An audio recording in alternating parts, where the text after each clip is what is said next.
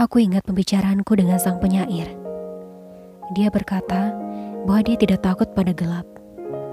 Karena dalam hidup ada terang dan ada gelap. Ada perempuan dan ada lelaki. Gelap adalah bagian dari alam. Tetapi jangan sampai kita mencapai titik kelam. Karena kelam adalah tanda kita sudah menyerah. Kelam adalah sebuah kepahitan satu titik ketika kita merasa hidup tak bisa dipertahankan lagi.